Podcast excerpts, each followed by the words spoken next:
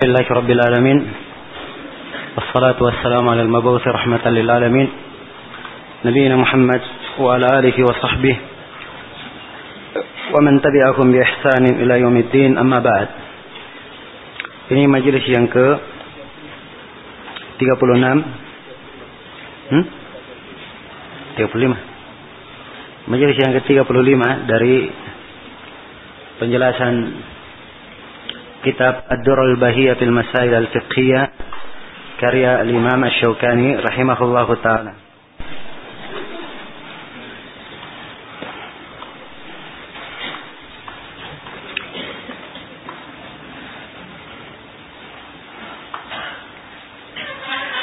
Kemudian kata beliau rahimahullahu taala Kitabud Diyat. Ini penjelasan tentang ad-diyah Diat jama dari dia. Jama dari apa? Dia. Dan dia itu adalah tebusan yang apa dari kalimat wada yadi diatan dia adalah hal yang diserahkan sebagai tebusan yang dimaksudkan dengan dia secara istilah adalah al-malul muadda ila majniin alaihi aw walihi aw warithihi bisababi janayah. Adalah harta yang dibayar kepada orang yang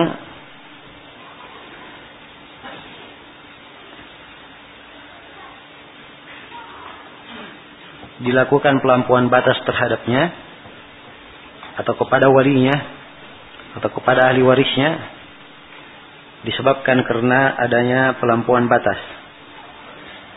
Iya. Dan ini dia.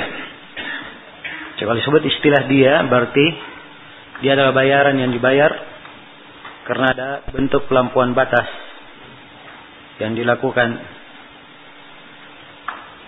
dan di pembahasan kisos telah diterangkan tentang dia ini dan di sini maksudnya setelah diterangkan tentang uh, secara glob, secara umum siapa yang berhak mendapatkan dia. Maka di sini diterangkan bentuk-bentuk dari dia tersebut. Bagaimana ketentuan dan berapa dia itu. Ya. Dan membayar dia ini diwajibkan di dalam Al-Quran dan Sunnah dan disepakati oleh para ulama tentang siapa yang punya hak maka wajib dibayarkan padanya apa? Dibayarkan padanya dia. Dalam Al-Quran tentang kisah orang yang membunuh tidak sengaja disebutkan wadiyatun musallamah ila ahliha dan dia membayar dia yang diserahkan kepada keluarganya. Ya. Dan di dalam hadis yang telah berlalu bersama kita, Nabi bersabda man qutila lahu qatil fa huwa bi khairin nadaraini imma yaftadi wa imma yaqtul. Bagi orang yang dibunuh dari keluarganya maka dia diberikan antara dua terbaik, dua pilihan. Apakah dia meminta dia atau dia meminta kisah. Iya. Asyokani di sini menjelaskan bentuk-bentuk dari dia dan kadarnya. Di sini beliau uraikan pembahasan. Kita berikan delapan garis besar. Pembahasan yang pertama, kadar dia karena membunuh seorang muslim. Nah, dia rajulil muslim mi'atun minal ibil. Dia seorang muslim adalah 100 dari onta. 100 dari onta. Au mi'ata bakarah. Atau 200 sapi. Au alfa syatin. Au alfa syatin. Atau 200. Apa itu 2000? Hah? 2000 kambing. Au alfu dinar. Ya atau seribu dinar. Atau seribu apa? Dinar. Awithna asyara alf dirham. Atau 12 ribu dirham. Atau mi'ata hullah atau 200 hullah ya hullah baju terbuat dari apa? Sutra. Ya atau baju dari uh, apa namanya? Dari Yaman hullah dan ini biasanya baju yang mahal. Ya ada yang terbuat dari sutra dan selainnya baik Ini tentang dia yang disebut oleh Imam Ash-Shawqani rahimahullah taala di sini. Ya, dan untuk dia ini penyebutan dia yang boleh terangkan ini disebutkan dalam hadis Jabir radhiyallahu taala anhu datang dalam secara datang dalam riwayat apa Mosul dan datang dari riwayat Mursal. Ya. Dan lebih tegas lagi atau lebih kuat lagi sanatnya itu dalam hadits Amr bin Shuaib dari ayahnya dari kakeknya. Dan haditsnya dihasankan oleh Syekh Al-Albani.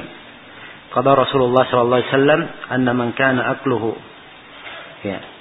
Nabi sallallahu alaihi wasallam memberikan ketentuan qada ya bahwa siapa yang akluhu membayar diahnya fil baqarah dalam dalam sapi ala ahli bakar maka orang yang punya sapi maka dia mengeluarkan 200 200 apa 200 sapi Pemangkana akluhu fisyah ya al-faisyah dan siapa yang kebanyakan keluarganya ya akilahnya memiliki kambing maka dia keluarkan 2000 kambing. Nah, dan ini dihasankan oleh Syekh Al-Albani hadisnya. Ya. Dan uh, di riwayat yang lain taib juga di dalam apa namanya di dalam surat Amr bin Hazm yang menjelaskan tentang qada itu di, disebutkan bahwa ala ahli dhahab alfu dinar. Bagi orang yang mempunyai emas dia mengeluarkan berapa? Seribu dinar. Ya. dia mengeluarkan seribu dinar jadi hitung saja dinar. Satu dinar 4,25 gram. Ya. Kali saja seribu. 4,25 kali seribu berapa? Hah? 4,25 kali seribu dinar. Berarti 4.250. Ya. Sudah kali saja dengan berapa harga emas sekarang? Ya. Hah? ya. Baik. Sebentar, ini masih kita jelaskan. Ya, ukurannya. Nah. Jadi ini ketentuan dari uh, apa namanya? Apa yang dia bayar dari dia. Ya. Baik. Kemudian dia ini jadi dia disebutkan di sini ada beberapa bentuk dia ya. Emas atau dia pakai dirham perak 12 ribu. Atau dia bayar dengan onta 100 bayar dengan sapi berapa? 200 bayar dengan kambing 2000 yang mana yang merupakan asal dari dia? Pokok dia hanya yang mana? Ini dua pendapat di kalangan para ulama. Ya dua pendapat di kalangan para ulama. Ya jumhurul ulama mereka berpendapat bahwa asal dari uh, dia uh, afwan se sebagian para ulama berpendapat bahwa asal dari dia seluruh yang disebut tadi oleh Imam Syaukani itu asal dari dia.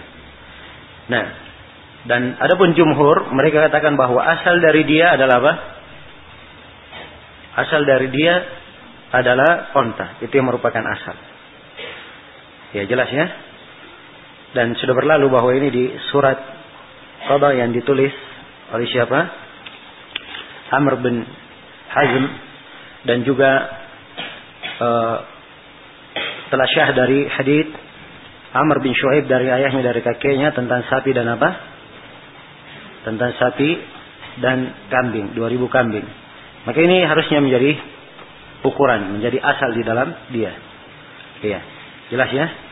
Maka kalau dilihat dari sisi ini jumlah dari sapi, kemudian jumlah dari 2000 kambing, itu memang menunjukkan harga dari apa? 100 ekor onta. Ya. Jadi pendapat kebanyakan para ulama mereka apa berpendapat bahwa yang menjadi ukuran adalah 100 ekor onta itu yang menjadi dasar ukuran. Ini pendapat kebanyakan apa? Kebanyakan para ulama. Nah, baik. Jadi kalau diukur dari ontanya, ya, maka yang lainnya ikut di dalamnya. Ya, dilihat nanti harganya sesuai dengan harga onta di masa itu.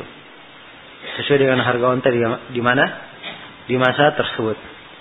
Ya. Dibangun di atas pendapat kebanyakan ulama ini, maka disebutkanlah jumlah dari diahnya. Ya, telah kita terangkan ya, bahwa ada dia di dalam membunuh. Ada dia di dalam apa? Hah? Di dalam uh, anggota badan yang apa? Yang hilang atau yang terpotong atau yang dilukai. Nah, ini ada dia di dalamnya. Ya, kalau disebut ada dia, itu tadi ketentuan dianya. Jelas? Baik, untuk orang yang membunuh, telah kita terangkan, ada membunuh sengaja, ada yang mirip sengaja dan ada apa? Yang tidak sengaja. Ada yang tidak sengaja. Baik, Asyokani di sini memberikan perbedaan untuk masalah membunuh. Kata beliau, "Wa tughalladu diyatul amdi wa shibhi bi yakuna al-mi'atu min al-ibli fi butuni arba'ina minha auladuha." Dan dia membunuh sengaja dan yang semisal dengan sengaja, mirip sengaja, ini tegallab lebih di di apa di perbesar. Di mana dari 100 ekor onta itu hendaknya 40 darinya itu ada anak-anaknya di dalam perutnya. Maksudnya onta yang apa? Onta yang hamil. Nah. Iya. Dan disebutkan di dalam apa namanya uh, ketentuan qada yang dipegang oleh yang disebutkan dalam kitab Amr bin Hazm ya dan ini yang disebut oleh sejumlah para ulama bahwa dia kalau membunuh sengaja atau mirip sengaja maka 100 onta ini dibagi empat 25 itu onta bintu makhab. 25 bintu labun. 25 hikka dan 25 jadaah. Ya. Jelas ya? Baik. Tadi saya sebut uh, suratnya siapa? Amr bin Hazm. Ya keliru ya, bukan dari suratnya Amr bin Hazm. Di mereka berpatokan pada hadits As-Saib bin Yazid. Jelas? Jadi disebut dibagi empat. Ya. 25 apa? Bintu makhat. Bintu makhat apa? Ya. Unta betina berumur satu tahun. 25 bintu labun. Unta betina berumur ya, dua tahun. Dan 25 hikkah. Hikkah tiga tahun. Dan 25 jadah. Ini berapa? empat tahun. Ya, jadi kalau di atas peraturan ini digabungkan dengan hadis yang telah kita sebutkan hadisnya kuat bahwa harus hamil 40 maka dijaga ketentuan ini dan dijaga sebagiannya 40 dari apa? hamil. Ya. Tapi Imam Syaukani rahimahullah kelihatannya beliau tidak menganggap hadis ini syah. Karena itu beliau hanya memegang bahwa dia dari 100 ekor onta Kemudian yang penting 40 dari onta itu apa? Hah? Dia mengandung. Ya. Dan ini dalam kebijaksanaan menentukan ya. Itulah saya di sebagian perkara saya kadang sebutkan kepada ikhwah, ada sebagian masail juga tidak cocok kita terjih. Yang kuatnya ini, yang kuatnya ini. Ya, sebab dia kadang di pembahasan di pengadilan ya maka di situ ada pengamatan-pengamatan dan bagaimana cara mempelajarinya. Ya. Sesuai dengan keadaan yang ada. Ya, dan sesuai dengan dalil-dalilnya. Baik. Jelas ya, dan di sebuah negeri kadang ditetapkan sebuah hukum, maka itu yang berjalan di pengadilan. Ya, walaupun dari sisi pembahasan fikih kadang kita menguatkan pendapat yang lain. Tapi di pengadilan kita jalani apa yang ditetapkan di sebuah negeri. Ya, sebab itu pendapat yang rajih yang mereka pegang. Jelas ya?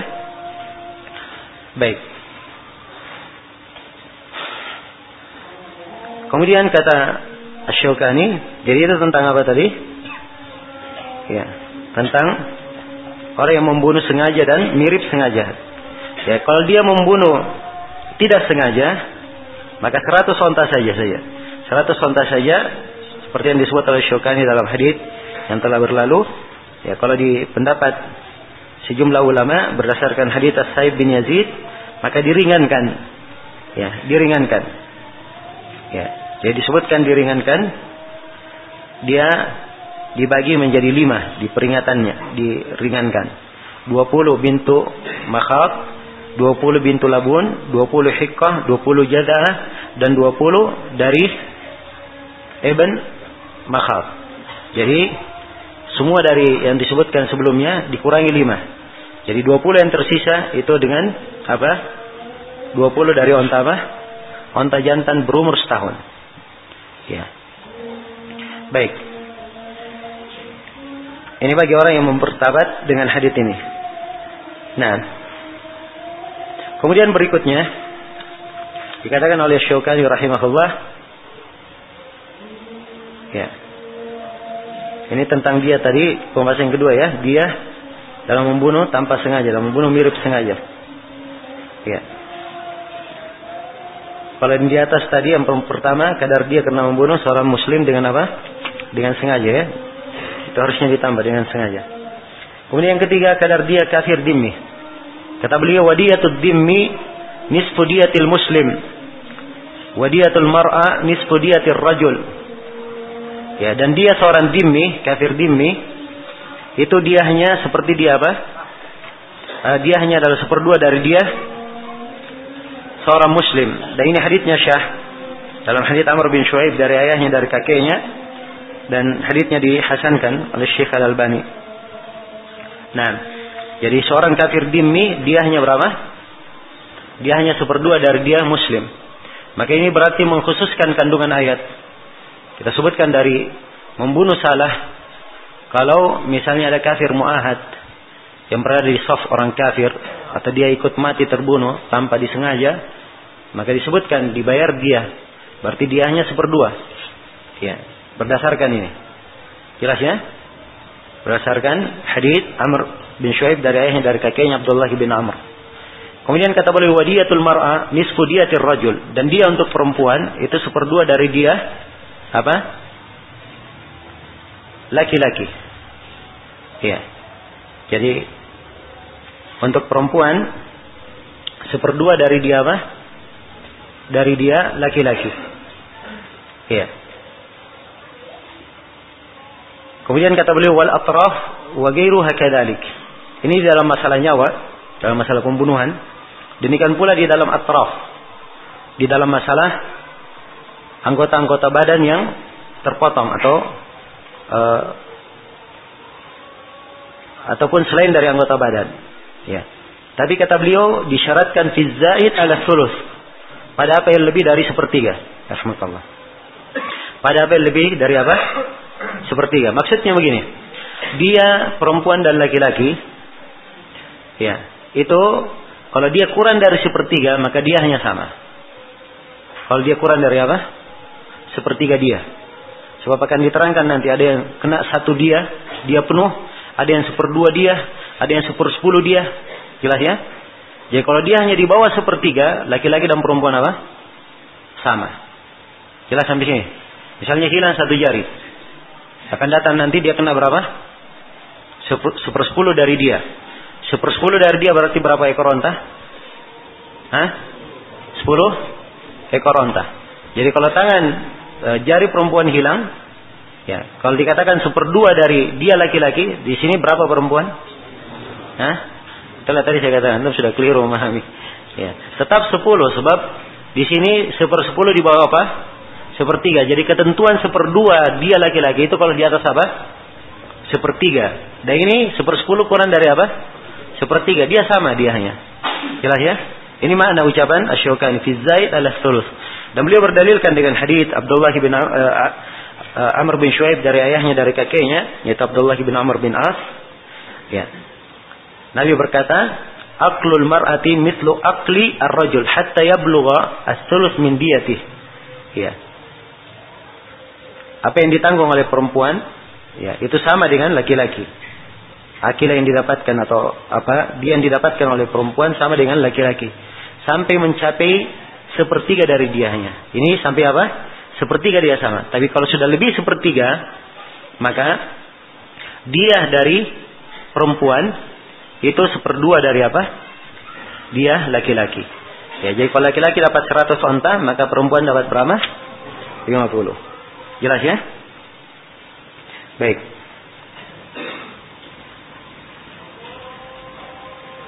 Nah, kemudian kata beliau rahimahullah, ya. Jadi di sini perempuan seperdua dari dia laki-laki. Ini menunjukkan ada perbedaan antara laki-laki dan apa? Perempuan. Dan kita sudah berlalu ya di sejumlah pembahasan. Ya. Di mana disebutkan bahwa perempuan seperdua dari apa? Laki-laki. Ya. Ini dalam lima pembahasan yang sudah berlalu bersama kita. Ayo, siapa yang bisa sebutkan? Yang pertama, dalam masalah dia ini. Yang kedua, Hah? Kenapa lama sekali? Hah?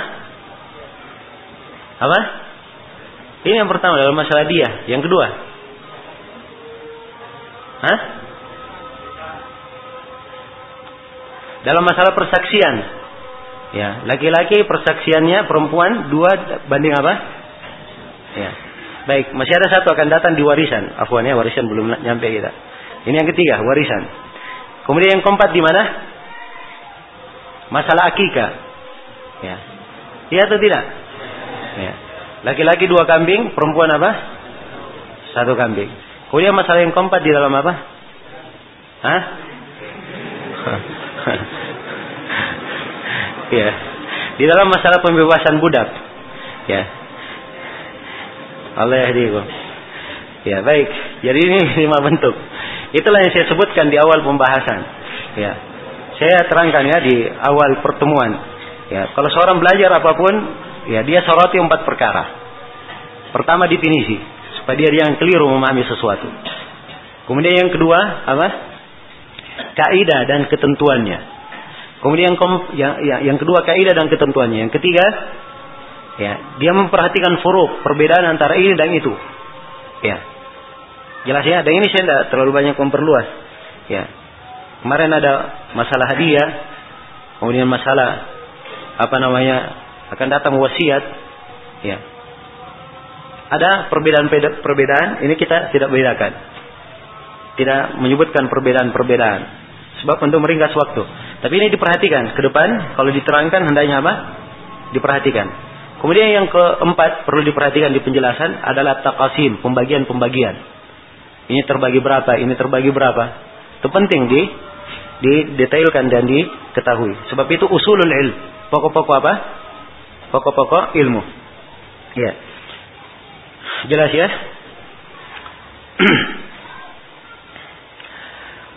Kemudian kata baik azan dulu sudah. Oke.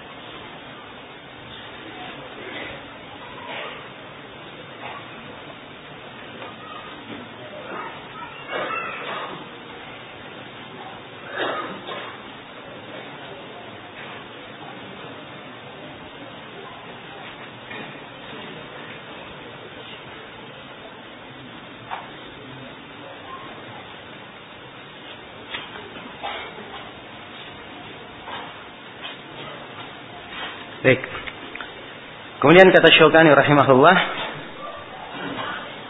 Pembahasan keempat sudah yang kelima dia anggota tubuh dan luka. Kata beliau, watajibud dia tu kamilah. Dan dia secara sempurna itu wajib fil ini kalau hilang kedua mata semuanya. ini dan hilang apa? Kedua bibir. Wal yadaini hilang kedua tangan. Wal rijlaini hilang kedua kaki. Wal baydataini dan hidat kedua hilang kedua telurnya. Ya. Paham ya? Ya.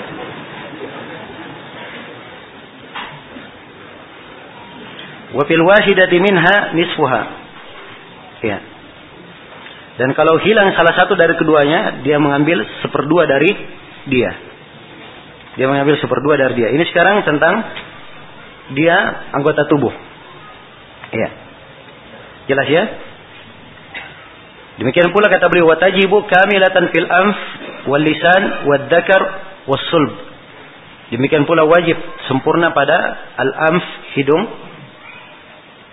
pada lisan pada apa ad-dzakar kemaluan dan pada as-sulb dan pada punggungnya.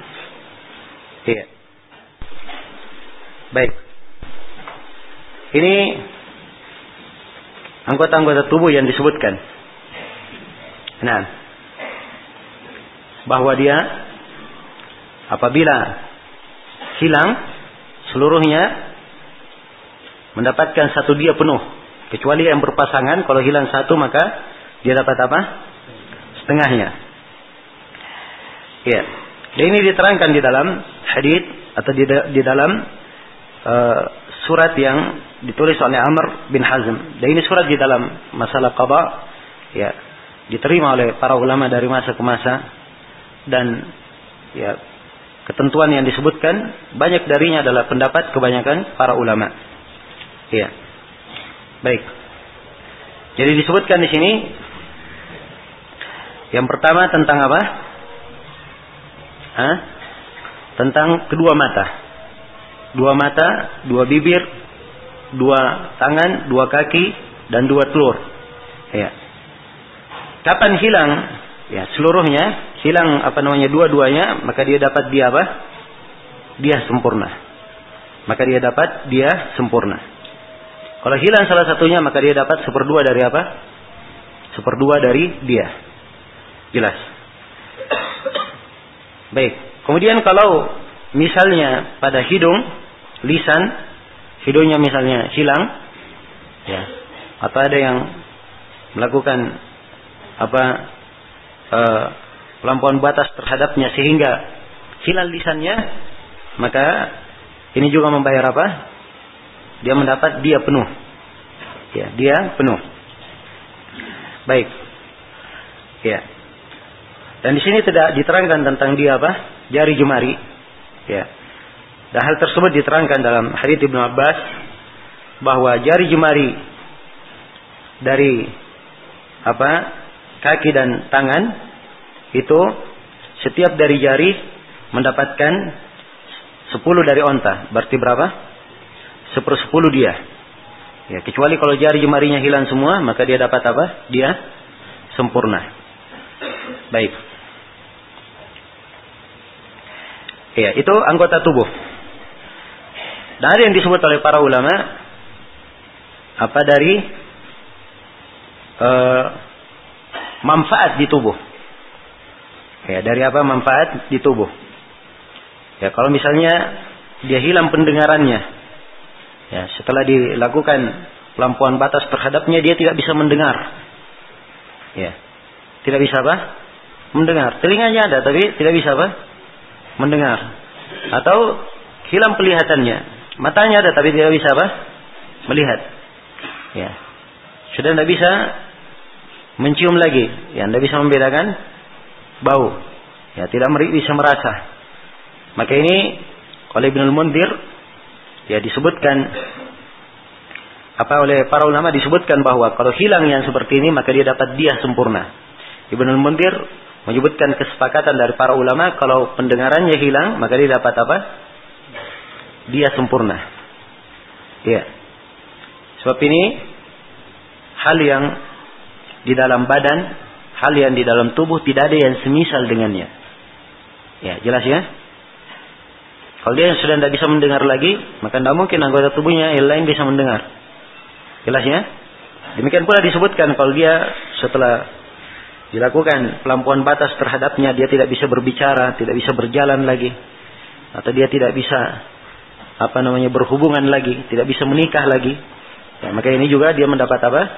Dia sempurna. Ya. Jelas? Dan disebutkan juga oleh apa sejumlah para ulama bahwa pada empat rambut itu dapat dia sempurna. Pada rambut apa kepala, rambut jenggot yang tumbuh rambut jenggot, kemudian rambut ya apa alis mata, ya kemudian rambut mata itu sendiri. Ya. Jelas ya? rambut mati itu sendiri. Ya, rambut kalau hilang semuanya, maka apa? Dia dapat satu dia penuh. Ya. Kalau misalnya alis ini satu hilang, maka dia dapat seperdua dari dia. Nah, jenggotnya misalnya setelah dilakukan apa pelampuan batas padanya, jenggotnya tidak bisa tumbuh lagi. Ya. Misalnya terbakar ya, dibakar ininya, akhirnya jenggotnya tidak bisa tumbuh, maka dia dapat apa? Dia sempurna. Nah, ini perhatikan ya bagaimana Islam menjaga hal ini. Ya. Dan ini dari hal yang menunjukkan kewajibannya memelihara jenggot. Ya. Baik. Setelah itu, setelah menjelaskan dia pada anggota tubuh, maka beliau berpindah menjelaskan tentang dia pada apa? Luka. Ya. Kata beliau, wa arsyul ma'mun ma'mumah wal ja'ifah thuluthu diyatil majni alih wal fil munaqqila ushru diya wa nisfu ushriha wa fil hamisha ushruha wa fi sinnin nisfu ushriha kada fil mawdiha ya ini istilah ya semua istilah tentang luka-luka ya baik yang dimaksud dengan pembahasan luka di sini ada dua macam. Ada luka yang disebut dengan nama syajjah. Syajjah ini luka di kepala dan di wajah. Khusus luka di mana? Kepala dan di wajah. Ya, luka yang lainnya itu lain pembahasannya. Baik. Khusus untuk di kepala dan di wajah itu kalau ada terluka maka disebut apa? Syajjah. Dan syajjah ini di kalangan orang Arab ya. Ada sepuluh apa bentuk luka. Ya, ada 10 bentuk luka. Jelas ya? Yang pertama ada namanya al-harithah. Ya, al-harithah ini ya ketentuannya dia membelah kulit sedikit tapi tidak berdarah. Membelah kulit tapi apa? Tidak berdarah. Ini al-harithah. Yang kedua adalah al-bazilah. Al-bazira keluar darah tapi apa? Sedikit. Keluar darah tapi sedikit. Nah, kemudian yang ketiga adalah al-badi'ah. Ya, al-badi'ah. Ini bukan kulit saja tapi dia sudah menyentuh apa? Menyentuh daging. Ya. Kemudian yang keempat adalah al-mutalahimah. Ini luka, dia sudah menyentuh daging, sudah mulai tenggelam di dalam daging. Sudah mulai tenggelam di apa? Di dalam daging. Ini yang keberapa? Yang keempat. Yang kelima as-samhaq. Ya. As-samhaq ini dia membelah daging, turun tidak ada antara dia dan antara tulang kecuali apa? Hanya seperti kulit yang tipis. Ya. Ini samhaq. Nah. Jelas ya? Ya, lima ini, lima jenis luka ini, ini tadi tidak disebutkan berapa kadar apa, kadar dianya. Ya, tapi asalnya wal juruh kisas. Allah berfirman dan juruh apa? Kisas. Tapi dalam uh, hadis tidak diterangkan. Maka di sini ijtihadnya hakim yang menentukan. Ya. Sebab dari penentuan dia dia ini, nah, di situ di pembahasan qada bisa diukur. Ini mirip dengan ini, ini mirip dengan ini, ini mirip dengan ini. Kalau begini saja dapat apa lima ekor onta, maka ini juga harusnya dapat apa? Lima ekor onta. Ini pembahasannya di mana? Ketentuan qada. Ya dan kesempatan ringkas begini pun kita tidak terlalu bermanfaat untuk membahas secara detail di dalam kalau ini begini, kalau ini begini. Sebab ini memang ketentuannya di mana? Ya, di peradilan nanti para kudoh ya di peradilan itu ditentukan dan itu menjadi patokan mereka di dalam berpijak. Ya sesuai dengan ijtihad bersama di dalamnya. Jelas ya? Baik, yang terkait dengan hukum di sini yang keenam yang kenal adalah al-mudhihah. Al-mudhihah ini dia sudah menampakkan apa? Menampakkan tulang. Dia terluka di kepala atau di mana? Di mukanya sudah nampak apa? Tulang. Ya. Maka ini pada al-mudhihah di hadis Amr bin Hazm dan disebutkan di sini oleh Syaukani dia berapa? Hah? Dia dapat di mana keterangannya di sini Syaukani? Ya kata beliau fi sinnin nisfu usyriha. Dan pada gigi dapat seperdua dari sepuluh. Seperdua dari sepersepuluh dia. Berapa seperdua dari sepuluh? Berapa ekor onta? Lima ekor onta. Wa kada fil. Demikian pula dalam al mudhiha. Berarti al mudhiha berapa ekor onta? Hah? Lima ekor onta. Jelas ya? Ya. Lima ekor onta. Dia seperdua puluh. Baik. Ini al mudhiha. Kemudian berikutnya Al-Hashimah. Ini Al-Hashimah ya. Al-Hashimah dia sudah menampakkan apa? Tulang tapi sudah mulai menembus tulang itu. Ya. Maka ini dia mendapatkan berapa? Mana Al-Hashimah di jelasan Syukani? Ah. Al-Hashimah berapa dia sebut? Usyurah. Usyurah berarti berapa ekor onta? Sepuluh. Ya, dan ini sabit dari Zaid bin Sabit radhiyallahu taala anhu diriwayatkan dari beliau dan tidak ada yang menyelisihi beliau dari kalangan para sahabat dalam hal ini. Baik, yang kedelapan adalah al-munaqqilah. Yang kedelapan adalah apa? Al-munaqqilah. Al-munaqqilah ya. Dia sama dengan al-hashimah. Tapi bedanya di sini tulangnya berpindah. Kalau tadi tulangnya tercoret tapi tetap di situ.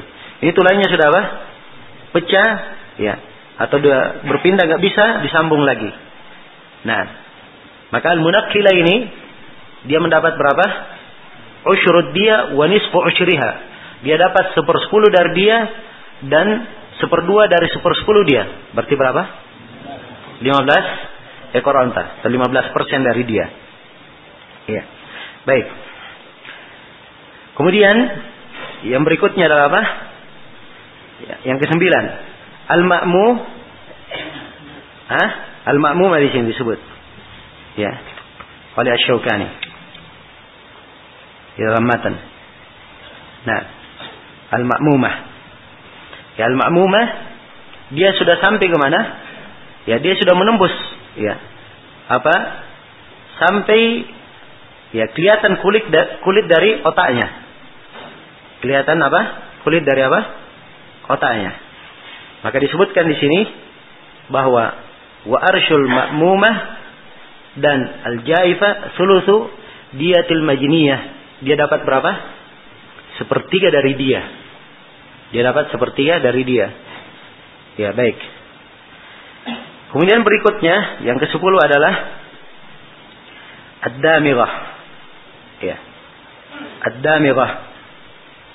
Dan ini disebut juga apa? Uh,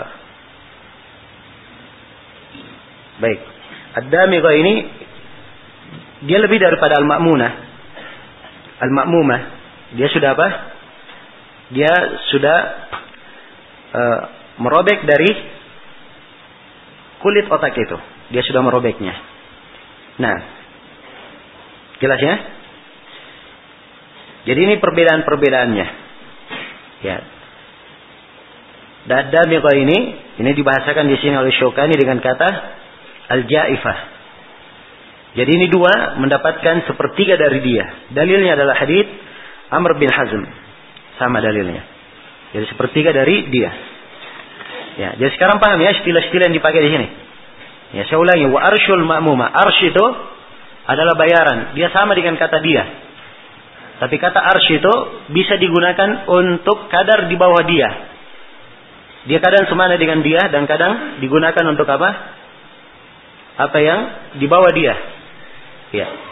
Misalnya akan datang nanti tentang uh, budak kalau misalnya budaknya kena ini, maka dibayar kimahnya. Ya. Kimah ini kadang disebut arsh. Kadang disebut apa? Arsh. Jadi dia di sisi penggunaan lebih luas. Apa yang dibayar? Tebusan. Ya, tapi kalau dia ketentuan dia dimaklumi. Arsh kadang digunakan untuk apa? Hal yang semana dengan dia. Tapi kebanyakannya dia di bawah harga apa? harga dia. Jelas ya? Ini penggunaannya. Jadi saya ulangi dari atas saya baca. Wa arshul ma'muma wal jaifa thuluthu diyatil majni alih. Ya. Untuk al ma'muma, arshnya ma'muma, dia hanya ma'muma dan jaifa berapa? Sepertiga dari dia. Ya. Wa fil munaqqila ushrud dia wa nisfu ushriha. Ini berapa tadi? 15 ekor onta. Ini al munaqqila. Ya, kemudian wafil hashima ya. Wafil hashima dia berapa? Usyruha sepersepuluh. Wa fi kulli sinnin nisfu usyriha. Setiap gigi, ini dia kalau gigi hilang. Ya, asin was asin bisin. Gigi dengan gigi. Kalau giginya hilang, maka gigi ini setiap dari gigi itu mendapatkan berapa? Lima ekor onta. Ya. Seperdua dari sepersepuluh. Nah, Baik. Wa kadza fil mudhiha, demikian pula pada al mudhiha. Kemudian kata beliau, "Wa ma ada hadhihi al-musamma fayakunu arshuhu bimiqdari nisbatihi ila ahadiha takriban." Nah, ini kaidah umum. Ini tadi yang saya katakan, di sini letak ijtihad. Ya. Ada apa, apa yang selain daripada ini, maka arsnya, ya, diahnya itu kadarnya apa yang apa di, dinisbatkan dekat dengannya. Ya, jelas ya. Ya kalau di tempat lain yang terluka, maka di, di disamakan saja bagaimana bentuk lukanya dan bagaimana akibat dari apa? Luka itu. Kemudian dari situlah diberikan kesamaannya. Ya, inilah tadi yang saya katakan apa letak ijtihad di sini. Kemudian kata beliau wafil jarini idza kharaja mayyitan al-gurrah. Ya, ini berikutnya tentang dia al-janin. Janin Ya. Kalau dikeluar dalam keadaan mati, maka harus dibayar satu gurrah. Ya, dibayar satu apa? Satu gurrah. Nah, dan satu gurrah yang dimaksud di sini adalah dia membebaskan seorang apa? Seorang budak. Ya, laki-laki maupun perempuan. Ya, ini berdasarkan hadits Abu Hurairah riwayat Bukhari dan Muslim. Anna Rasulullah sallallahu alaihi wasallam qada fi janin imra'a min bani Lihyan sakata mayyitan bi gurrah, bi gurrati abdin au amah.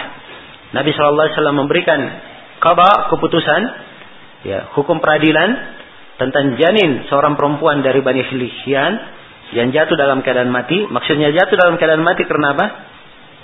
Hah? Ya. Karena apa? Ya. Karena pelampuan batas dari orang. Ya. Kalau jatuh sendiri dia sendiri yang keguguran itu lain lagi masalahnya. Ya. Baik ya. Maka Nabi memberikan ketentuan, dia membayar satu gurrah, satu budak abedin. Ya, gurrah itu hasilnya gurrah yang tanda di kepala. Jadi dia membayar satu ubun-ubun budak laki-laki atau apa? Perempuan. Jadi gurrah maksudnya satu orang budak laki-laki maupun perempuan yang dia bayar. Jelas ya? Nah ini kalau dia menjadi sebab kegugurannya seseorang. Ya. Maka uh, ini bisa di, per, di, di, di apa namanya dihitung berapa jumlahnya. Sebab di masalah letik itu ada diterangkan ya kadar budak dahulu itu. Karena sekarang sudah tidak ada apa? Ya tidak ada budak lagi. Kalau dia hitung kadarnya dia kira-kira tidak ada masalah. Dan sudah berlalu hadis juga tentang kisah orang yang melempar seorang perempuan ya dan perempuan ini mati demikian pula kandungan di dalamnya mati tidak sengaja Jelas ya? Ini apa? Tidak sengaja. Maka Nabi memberikan keputusan untuk janinnya dibayar oleh orang yang melemparnya dia bayar apa? Gurrah dan untuk dia perempuan ini mati maka dibayar dengan apa? Ya, ditentukan dia hanya ditanggung oleh akilahnya. Dan ini sudah berlalu di pembahasan kisah. Jelas ya? Kemudian kata beliau wa fil abdi qimatuhu wa arshuhu bihasabiha. Dan di dalam budak ya adalah kimahnya. Ya, adalah apa? Kimahnya dia keluar dari dia keluarkan dari kimah budak itu. Ya, dan arsnya ya ketentuannya biasa biha sesuai dengan apa? Sesuai dengan uh, keadaannya. Ya, jadi kalau misalnya dia mewafatkan ya budak seseorang, maka dia harus ganti apa? Ganti dengan harganya. Ya, ganti dengan harganya. Dan harganya ini arsnya, ini harga diahnya, ini biasa biha, tergantung berapa? Ya, jumlahnya. Berapa nilai ya dari harganya sebab ya kadang harga budak itu ya seperdua dari apa orang orang bebas atau seperdua dia kadang sepertiga kadang apa sepersepuluh ya maka dia di sini yang memperlihat dari dia memperlihat dari dia dia dia melihat dari berapa kimahnya ya dia lihat kimahnya dia ukur dari bentuk dia sebab dia ada yang sempurna uh, dia tentunya kalau budak tidak sampai sempurna ya Ya, maka dilihat ada yang seperdua dia, ada yang sepertiga, ada yang sepersepuluh, ya, ada yang setengah dari sepuluh. Maka dia lihat apa yang pantas dan layak di dalamnya. Baik, selesai ya pembahasan tentang adiat. Dengan ini selesai pembahasan tentang apa? Tentang ya al-qisas dan al-hudud. Sisa satu pembahasan lagi berkaitan dengan kafamah. Dan ini hukum tersendiri. Dia hukum tersendiri, dasar tersendiri Ya, ukurannya dibuat bab sendiri sebab memang dia juga masuk di dalam masalah apa? Masalah peradilan juga. Masuk di dalam masalah peradilan. Ya, tapi dia punya hukum tersendiri tentang bab al-qasamah. Ya, jelas ya? Asyukani rahimahullah taala berkata babul qasamah. Bab tentang apa? Al-qasamah. Al-qasamah itu masdar. Ya, masdar dari aksama yuksimu. Ya, kalau af'ala yuf'ilu itu dua masdarnya. Ada iksaman dan ada qasamatan. Ya. Maksudnya di sini dia bersumpah. Ya. Maksudnya qasama yang dimaksudkan ya, pembahasan tentang qasama itu yang dimaksudkan adalah seorang yang terbunuh. Diketemukan dalam keadaan dia terbunuh, tidak diketahui siapa yang membunuhnya. Tapi ada yang dicurigai membunuhnya. Ada yang dicurigai apa? membunuhnya. Nah, maka di sini ada pembahasan kosama. Ya. Pihak pemilik hak dia boleh bersumpah. Ya. Menjatuhkan apa? Dugaannya bahwa yang membunuh adalah si kalau ada dugaan. Jelas? Ya. Kalau tidak diterima, maka orang yang dituduh mereka bersumpah balik juga. Ya. Jelas? Bersumpah balik. Nah, dan sumpahnya dengan 50 kali sumpah. Ya. Ini yang disebut dengan nama apa? Al-Qasamah. Baik. Di sini kata Syukani rahimahullah, saya baca dulu supaya kita terangkan. Nah, kata beliau rahimahullah,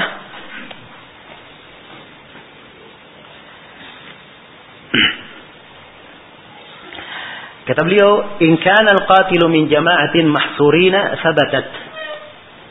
Ya.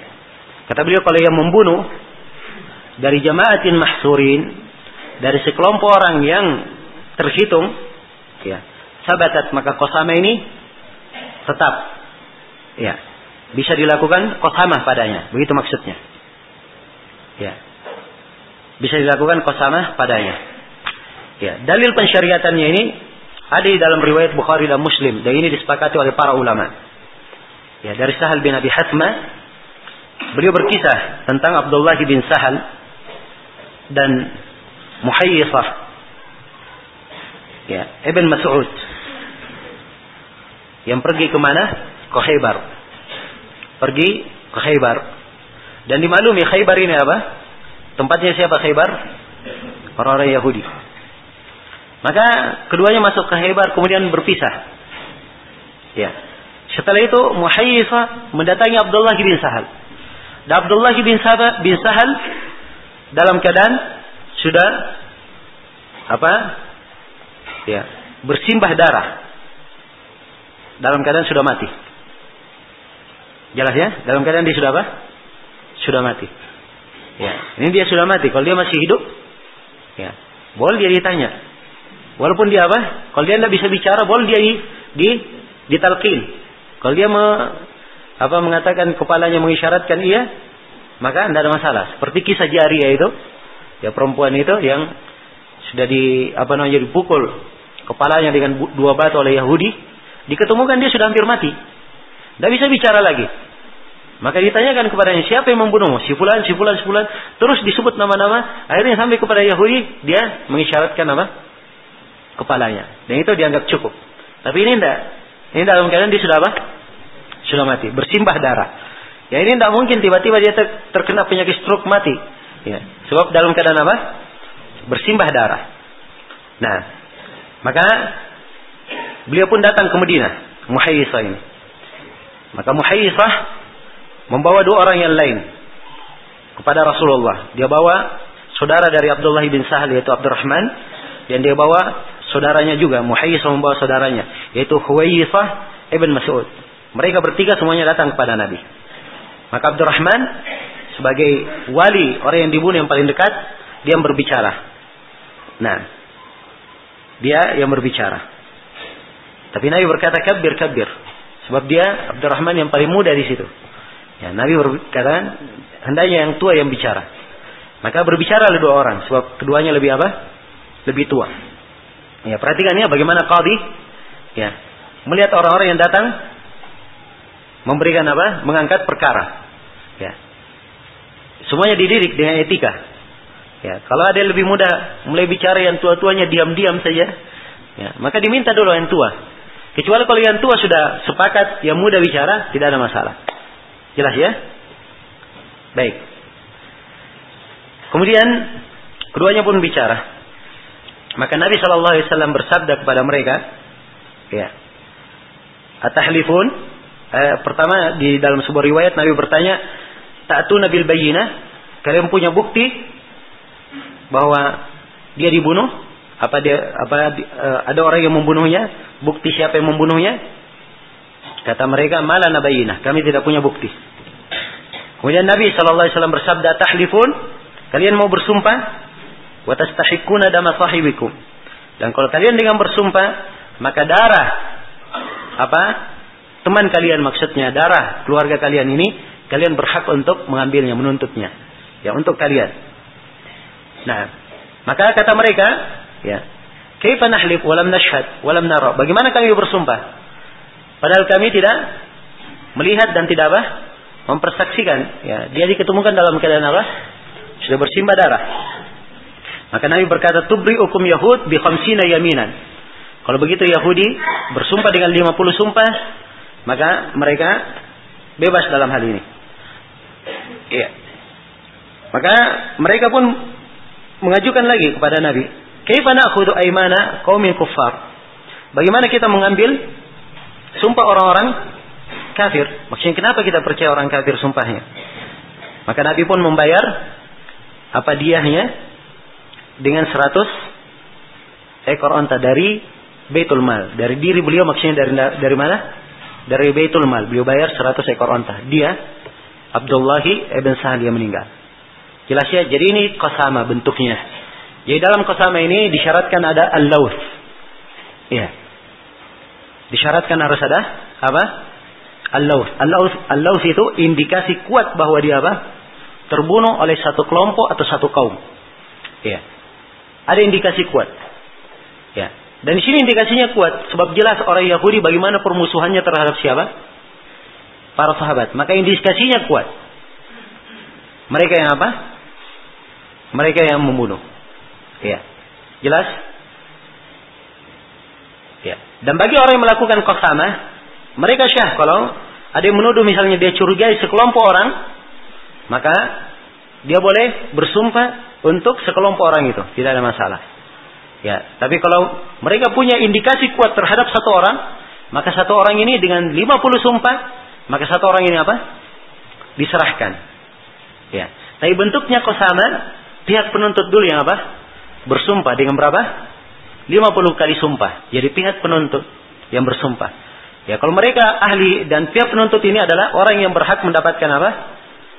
Terhadap darah orang yang dibunuh. Itu yang berhak. Jadi masuk di dalamnya apa? Ahli waris dan asabahnya. Yang merupakan apa? Yang berhak terhadap darahnya. Kalau mereka jumlahnya 100 orang, maka yang bersumpah cuma berapa? 50. Kalau mereka jumlahnya cuma 10 orang, maka setiap dari 10 orang ini bersumpah 5 kali. Sehingga menjadi berapa? 50 sumpah. Sebab Nabi di sini tidak mensyaratkan 50 orang. Beliau berkata 50 apa? Sumpah. Jelas ya? 50 sumpah. Ya. Kalau ahli warisnya cuma satu, ya maka dia bersumpah apa? 50 kali. Toko sama. Ya. Pihak yang dituduh, ya. Pihak yang dituduh, ya kalau dia mengingkari maka yang dituduh ini hendaknya dia bersumpah 50 kali. Kalau dia bersumpah 50 kali, maka dia selamat dari apa? Selamat dari hukuman. Kalau dia tidak berani bersumpah, maka di sini tetaplah bahwa ada yang membunuh. Ya, dan dari 50 orang yang dianggap dicurigai membunuh ini, ya, setiap dari mereka membayar dua ekor apa? Dua ekor onta. Sebab dia berapa? 100. Jadi 50 kali dua. Jadi tiap orang bayar apa? Dua ekor onta. Jelas ya, kecuali kalau didapat ya diketahui ada satu yang dicurigai punya indikasi, kemudian dilakukan sumpah 50, ya ternyata mereka tidak berani bersumpah, maka ini berarti satu ini diserahkan untuk di apa? Dikisah. Kalau memang keluarganya ingin mengkisasnya. Jelas sampai sini? Ya. Jadi ini berkaitan dengan masalah al-qasamah. Ya. Dan di sini keadaannya ada kondisi, ya. Kalau misalnya dikhawatirkan ada iltibas, ya, ada iltibas dalam qadiyah yang tidak begitu nampak, maka hendaknya pemerintah membayar diahnya dari Baitul Mal. Dibayar dari mana? Dari Baitul Mal. Nah, syuk, baik, saya baca ucapan Asyokani. Saya kira dengan penjelasan ini sudah insya Allah akan jelas. Ucapan Asyokani. Kata beliau rahimahullah, "Idza kana al-qatilu min jama'atin mahsurin sabatat kalau yang membunuh dari jemaah mahsurin, maka kosama tetap. Apa kosama? Sudah syah untuk diterapkan. Ya, dan kosama ini wahiyah khamsuna yaminan. Dia 50 sumpah. Yakhtarahum waliyul qatil. Ini dipilih oleh wali orang yang dibunuh. Ya. Al-qatil artinya apa? Al-maktul. Nah. Wadiyatu innakalu alaihim. Dan dia itu ditanggung oleh mereka kalau mereka nakalu tidak mau bersumpah. Ya, kalau artinya apa? Tidak mau bersumpah. Ya. Wa in halafu saqatat. Kalau mereka bersumpah 50 juga, maka qasamannya apa? Jatuh, tidak ada dianya sudah. Ya. Tapi kata Syukani wa idza tabasal amru kanat min baitil mal. Ya, kalau perkara ada iltibas, ya, maka dibayar dari mana? Dibayar dari baitul mal, dia tersebut. Ya, jelas sampai sini ya? Baik. Ya tentang masalah laus ini bagaimana ketentuannya? Ini disebutkan ada tujuh bentuk di dalam buku fikih. Ya ada yang jelas, ada yang tidak jelas. Dan ini saya kira bukan terlalu hal yang penting untuk kita terangkan. Sebab ya kaitannya di masalah peradilan. Ya, antum tahu juga nanti hukumnya harus ke pengadilan untuk ya menetapkan lausnya. Jelas ya? Baik. Ya, tapi secara global itu yang saya terangkan tadi. Kalau ada bentuk-bentuk apa, seperti dia ada permusuhan yang jelas, ya antara sekelompok orang yang tadinya memang bermusuhan, ya bahkan sudah pernah berkelahi sebelumnya. Tiba-tiba mati misalnya dia di dekat rumahnya. Ya, kayak ini loh. Ya, menunjukkan apa? Korina indikasi kuat bahwa dia dibunuh oleh orang ini. Ya, kan begitu. Ya, jelas itu di antara bentuk-bentuk los. Dan ada tujuh bentuk disebut oleh para ulama. Baik, segera cukup ya untuk malam ini. Ya sebab besok kita masuk dalam wasiat ini terkait dengan masalah warisan. Ya.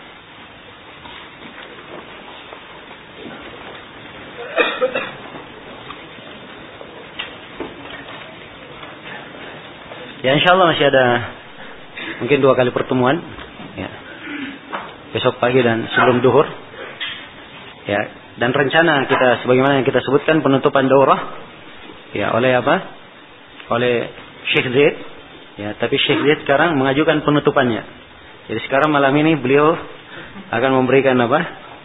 Ya, penutupan untuk malam ini. Jadi insya Allah kita coba nanti telepon setelah sholat. Ya kita menunggu sejenak, mudah-mudahan. سبحانك اللهم وبحمدك أشهد أن لا إله إلا أنت أستغفرك وأتوب إليك والحمد لله رب العالمين.